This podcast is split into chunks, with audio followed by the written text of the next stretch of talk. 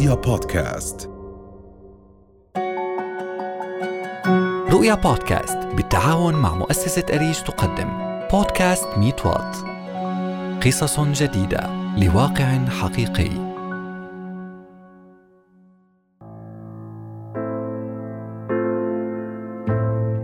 تدعو المواثيق والاتفاقيات الدولية إلى حماية الأطفال من الزج بهم في سوق العمل. وتعمل على توجيههم إلى الاهتمام بمستقبلهم ودراستهم بتوفير البيئة المناسبة التي ينمو فيها الطفل.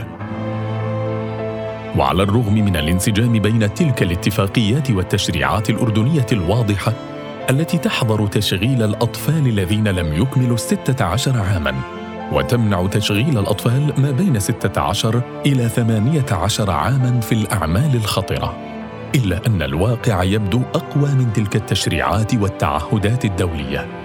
صاحب المزرعة يطلب أطفال صغار بحدود العمر 13 سنة لأنه تكون الأجرة أقل من اللي عمره كبير. بنطلع من الصبح من على الستة بنرجع على الوحدة على الثنتين حسب الشغل. أنا فعليا بعتبر وجود طفل داخل مزرعة عبارة عن جريمة بحق الطفل. تتفاقم ظاهرة عمالة الأطفال بصورة تهدد المجتمع الأردني فما هي الأسباب التي أدت إلى انتشار ظاهرة عمالة الأطفال؟ وكيف يمكن التغلب عليها؟ وهل تعمل الحكومة الأردنية على الالتزام بتعهداتها الدولية تجاه حماية الأطفال؟ تقابلنا مع طفل يدعى أحمد وعند حديثنا معه لم يتكلم عن مدرسته ولا عن هواياته في أوقات الفراغ بل حدثنا عن عمله في مزارع الطفيلة وغيرها من المزارع. فمتى زج بأحمد في سوق العمل في تلك السن ولماذا؟ أنا اسمي أحمد عمري 13 سنة. بشتغل بالطفيل وبغور الصافي وبشتغل بغور الوسطى. بشتغل والله من عمر نجوز ثمان سنين هيك نشتغل بالغور. زلمة بيجينا بده شغالية. بنشوف الشغل كيف. إذا شغل بتعب بناخذ مني عشرة.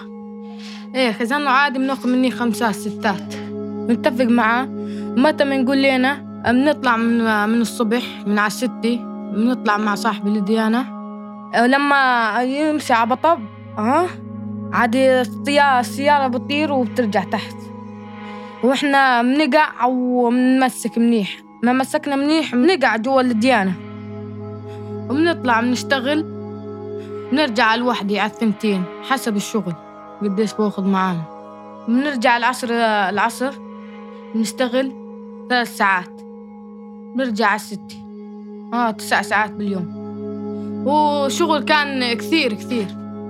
والزلمة بتحكم بينا تحكم بده يشيل إلا نشيله بدينا لما أروح عند الوكيل أنا بقول له تعبان بدي ارتاح بقول لي لما نخلص هذوك شوية بتروح ترتاح. لما بضل يقول لي اشتغل اشتغل اشتغل لما وقت الترويحة بنروح. بيستغلني أقول لي أنت ما بتعرف تشتغل زي الناس.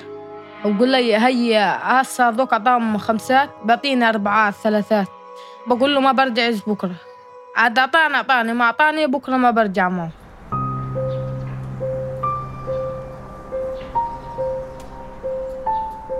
منذ السادسة صباحا يخرج أحمد من بيته. ليركب سيارة مسرعة مع أطفال قصر وشباب وكبار وعليه أن يحافظ على توازنه حتى لا يسقط من السيارة. ينجح أحيانا ويفشل أحيانا ويسقط كثيرا. وفي النهاية يصل إلى المزرعة ليعمل ساعات طويلة من أجل الحصول على أجره الزهيد الذي يحرم من الراحة حتى يحصل عليه. إذا قبلنا على عكس طبائع الأمور بعمل أحمد بحكم أنه ولد فمتى ولماذا زج بسلمى الطفلة الصغيرة في هذا الشقاء؟ أنا اسمي سلمى وعمري 12 سنة. منطقة دار على طوال الجنوبي أول ما بلشت شغل كان عمري هيك عشر سنين. وأعطوني إيجار الخط تقريبا هيك 30 متر أو 35 متر وعطونا على الخط بس ربع دينار. وبعد هذا كان عمري هيك 11 سنة 10 سنين. وصار عمري 12 بلشت هون بزراعة الملفوف مرات معي عشر أطفال بيشتغلوا معي وعمرهم قد عمري مثل عمري. وفي كمان معانا هيك كم مرة. كنا نشتغل من الساعة الستة ونروح يمكن هيك عند العصرية عند بعد الظهر. مرات نروح المغرب. وشغلنا كان هيك صعب. برجلينا من هان كله هيك يصيبنا وجع من هون. مرات زرعت بصل هيك روحت وأنا ماشي هيك صار يضربني وجع. كل ما أمشي شوية أرتاح نكفة كل ما أمشي نكفة أرتاح. رحت على الدكتور هذا سبب الوجع بالمزارع. وقال لي تمشيش عليها كثير وأعطاني علاج دواء هيك مشروب بزاز قال لي دهنيها باليوم ثلاث مرات. وعملت زي ما قالوا هيك من ثاني يوم يقولون لنا في شغل. فرحت على الشغل قلت خلت من الدواء هيك ندفع عشان إذا صارت توجعني بحط منه. آه سبحان الله صارت توجعني. رحت قعدت ارتحت حطيت بزاز سألني ليش قعدت قلت له بس كده اشرب مي. يعني عشان ما يطردنيش من الشغل. رديت قمت هيك ظليت كملت الخط كملت الخط. ردينا حولنا على الخط الثاني. على الخط الثالث وروحنا جوز هيك على المغرب هذاك المرة. أو آه يوم أنت روحت ورجلي صارت توجعني. تعمل سلمى ساعات طويلة فتصاب وتتحمل الألم وتضطر للكذب على صاحب المزرعة حتى لا يعرف بإصابة قدمها فيطردها وتخسر أجرها الذي تساعد به أسرتها. فسألنا من ينظم هذه العملية ويجمع هؤلاء الصبية من بيوتهم ويدفع بهم إلى العمل والشقاء في تلك السن الصغيرة. فقيل لنا شاب عشريني اسمه جميل يعمل سمسارا يستقطب هؤلاء الأطفال ويوصلهم في شاحنته إلى المزارع. أنا اسمي جميل عمري 24 سنة. فإني أوصل عمال يعني شغال بمزارع ماسك ثلاث ورشات مزارع أخذ العمال الأطفال من من منطقة فنوش دير علا إلى اللواء منطقة الكرامة شنو الجنوبية. يعني مسافة بعيدة يعني. تقريبا يعني فيها نص ساعة. يعني وسيارات يعني وكوارث يعني لا سمح الله راح يصير يعني عشان مسافة بعيدة. وأقل إشي يعني أمشي عشان ألحق بين الطرف هذا والطرف هذا. أقل إشي من آه، السرعة مية. ولما أكون مروح بدها تكون السرعة أقل أكون محمل. جوا أنا آكل مطب يعني الفحرة أكلها يعني وأنا مسرع في العامل يعني إلا العمال يقلبوا على بعض يقعوا. آه واحد يا ايده تنجرح من القفص ديانة. آه هيك. صاحب المزرعة يطلب أطفال صغار في حدود العمر 13 14 سنة. آه يكون إنهم يعني آه كيف بدي أقول لك يعني مجهدين أنفسهم إنهم يشتغلوا ويكونوا يعني صح إنه تعب الشغل بس حرام بالعمر هذا إنه يشتغلوا. يحكي هتلك خمسة هتلك سبعة لأنه تكون الأجرة أقل من اللي يكون العمر آه، عمره كبير. تقريبا هو من لما مثلا يطلع السبعة السبعة الصبح ل 12 ست ست ليرات ياخذوا. الطفل الصغير يطعيه أقل. يعني بحدود الأربع لرات خمس لرات يطعيه. في تقريبا يعني يكون في 15 يعني 15 طفل يكونوا شغالين يعني بنفس المزرعة. آه يعني حسب صاحب المصلحة. يقر جميل بتعرض الأطفال لمخاطر القيادة المتهورة التي تزيد سرعتها عن 100 كيلو. حتى يستطيع الوفاء بالموعد الذي يطلبه صاحب المزرعة الباحث عن عمالة رخيصة التكلفة. فلا يجد بغيته إلا في أطفال اضطرتهم ظروف أسرهم الاقتصادية للنزول إلى سوق العمل مبكرا. فتركوا أماكنهم في مقاعد الفصول الدراسية وذهبوا إلى المزارع في صندوق شاحنة مسرعة. فمن لأحمد وسلمى يوعي أسرهم حتى يرسلوا أولادهم إلى المدارس وليس إلى المزارع. تقابلنا مع منيرة الشطي الميسرة المجتمعية في جمعية تمكين للمساعدة القانونية هلا إحنا من ضمن الخدمات اللي بنشتغل عليها اللي هي الجلسات رفع الوعي القانوني بقانون العمل الأردني والحماية الاجتماعية بالإضافة لعمل الأطفال ومكافحة الاتجار بالبشر والمشاريع الزراعية. أغلب الأطفال بيكونوا موجودين بالجلسات هم من العاملين بالقطاع الزراعي. آخر ست شهور آه، تقريبا قدمنا ما- 25 جلسة عمل طفل. طبعا الحضور من الجنسين الذكر والإناث وهم طبعا دون سن 18 سنة. فعليا مش مدركين أهمية أو خطورة العمل في القطاع الزراعي أو بأي مجال آخر. آه، ما بيدركوا أو بيعرفوا أهمية حقوقهم أو الحصول على حقوقهم. آه، بيشوفوا نفسهم إنه هم بالنهاية مجبورين على العمل. في تجاوب كان من الأطفال في أطفال فعليا انتبهوا لخطورة العمل اللي عمالهم بيعملوه. لكن تعرف هم وجهة نظرهم إنه بالوضع المادي آه، الفقر حاجة الطفل رغبة الطفل بالعمل. ممكن نحكي كمان من باب النمط الاجتماعي أو باب الغيرة طفل بغير من طفل إنه هذا بيشتغل أنا لا. ممكن نحكي عن أسباب خاصة بالطفل إنه ممكن بده يشتري بطاقة تليفون أو بده يشتري تليفون جديد. فالأسباب مختلفة من بوجهة نظر الأطفال لكن هي الأسباب فعليا آه، كبيرة. وخطيرة للي بيعرفها الطفل اللي بيعرفها أو ممكن يدرك أهميتها. إحنا عم بنحاول دائما إنه نوصل الطفل إنه أنت بالنهاية في لك حق لازم تحافظ عليه اللي هو تعليمك وصحتك.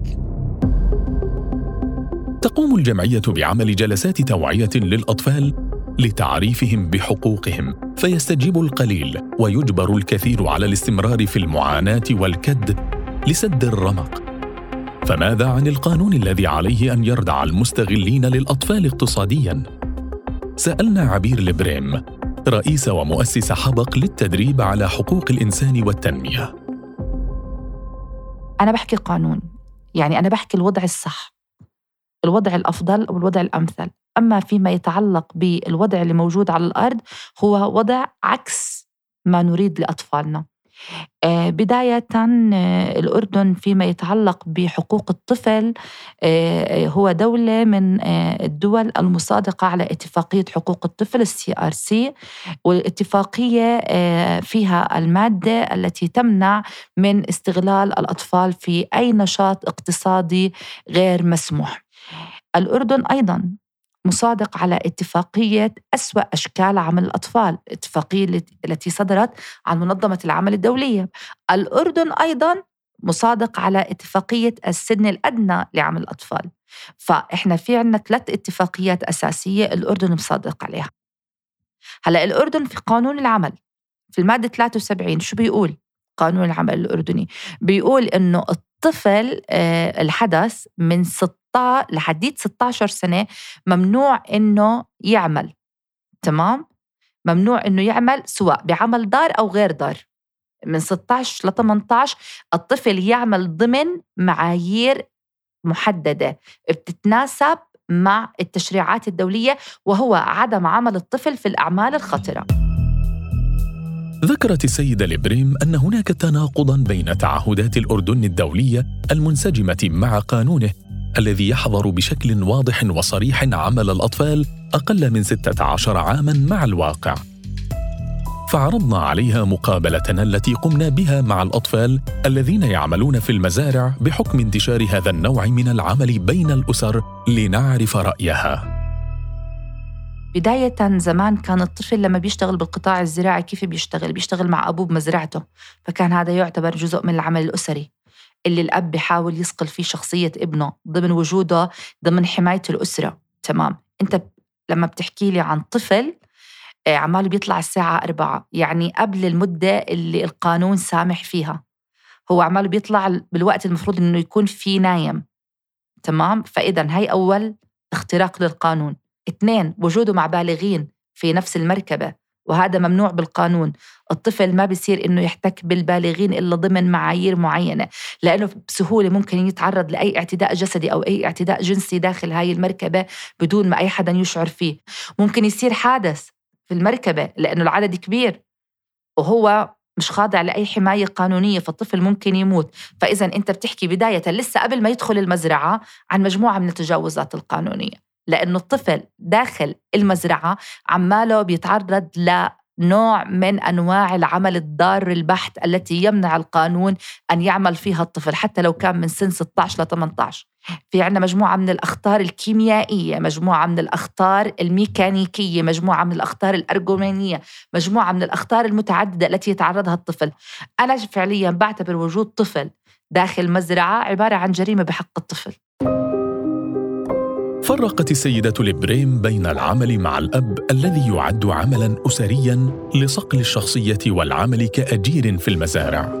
وعددت المخاطر التي يتعرض لها الطفل قبل الوصول إلى المزرعة وأثناء العمل فوصفت عمل الأطفال في المزارع بالجريمة.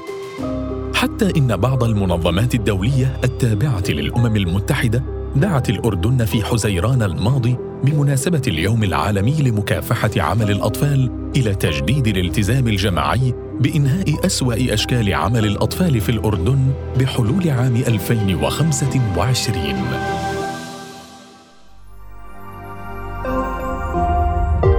رؤيا بودكاست.